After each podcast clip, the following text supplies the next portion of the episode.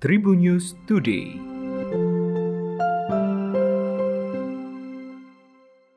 Apa kabar Tribuners? Berjumpa kembali bersama saya Devi Rahma di Tribun News Today.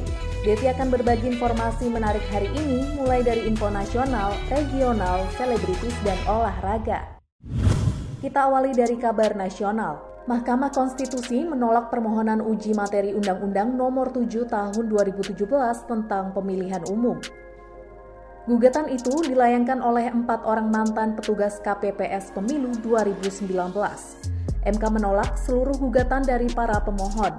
Mahkamah menyatakan pasal 167 ayat 3 dan pasal 347 ayat 1 tentang UU Pemilu sesuai dengan amanat konstitusi. Oleh karenanya, MK menilai dalil dari para pemohon tidak beralasan menurut hukum seluruhnya. Dengan putusan itu, keserentakan pemilu tetap berjalan seperti yang pernah diterapkan pada pemilu 2019 pemilihan presiden, anggota DPR, anggota DPD, anggota DPRD provinsi, dan anggota DPRD kabupaten atau kota digelar dalam satu waktu. Dalam pertimbangan putusan, MK menilai terkait beban kerja yang berlebihan.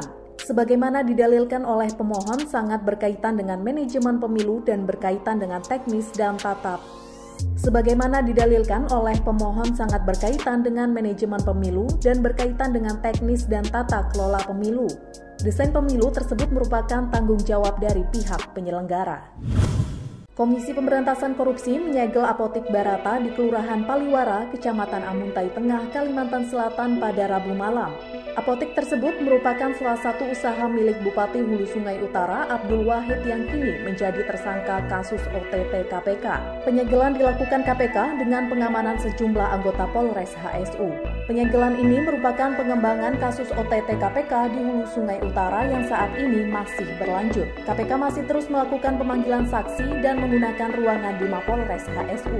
Juru bicara KPK Ali Fikri mengatakan setelah sebelumnya terdapat 15 orang saksi yang dipanggil, Selanjutnya, dilakukan pemanggilan juga terhadap beberapa saksi dari pemerintah daerah seperti Kepala Dinas Pertanian Yuli Hertawan, Kepala Disperindakop Muhammad Rafiq, dan saksi lainnya.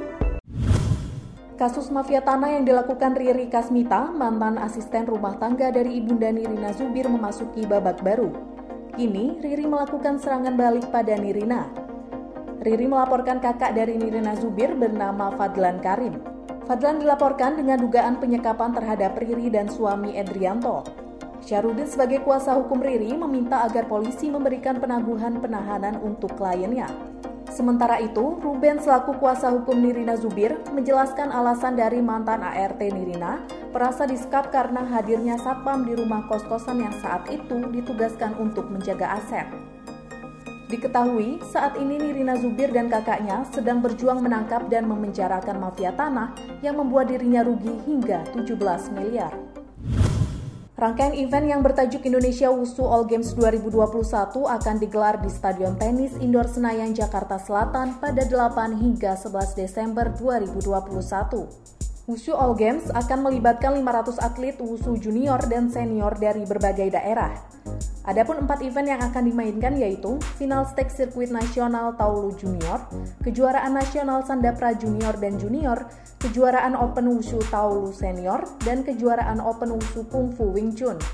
Selain itu, menurut Sekjen Pengurus Besar Wusu Indonesia Ngatino, terdapat tiga misi yang dijalankan pada Indonesia Wusu All Games 2021 yang juga mendapat dukungan dari Kemenpora. Ia juga mengatakan potensi Wushu Indonesia untuk meraih prestasi di ajang single maupun multi-event internasional cukup besar. Demikian tadi empat informasi terupdate hari ini. Jangan lupa untuk terus mendengarkan Tribunnews Today hanya di Spotify, Tribunnews Podcast, dan YouTube tribunnews.com. Saya Devi Rama pamit, sampai jumpa. Tribun News Today.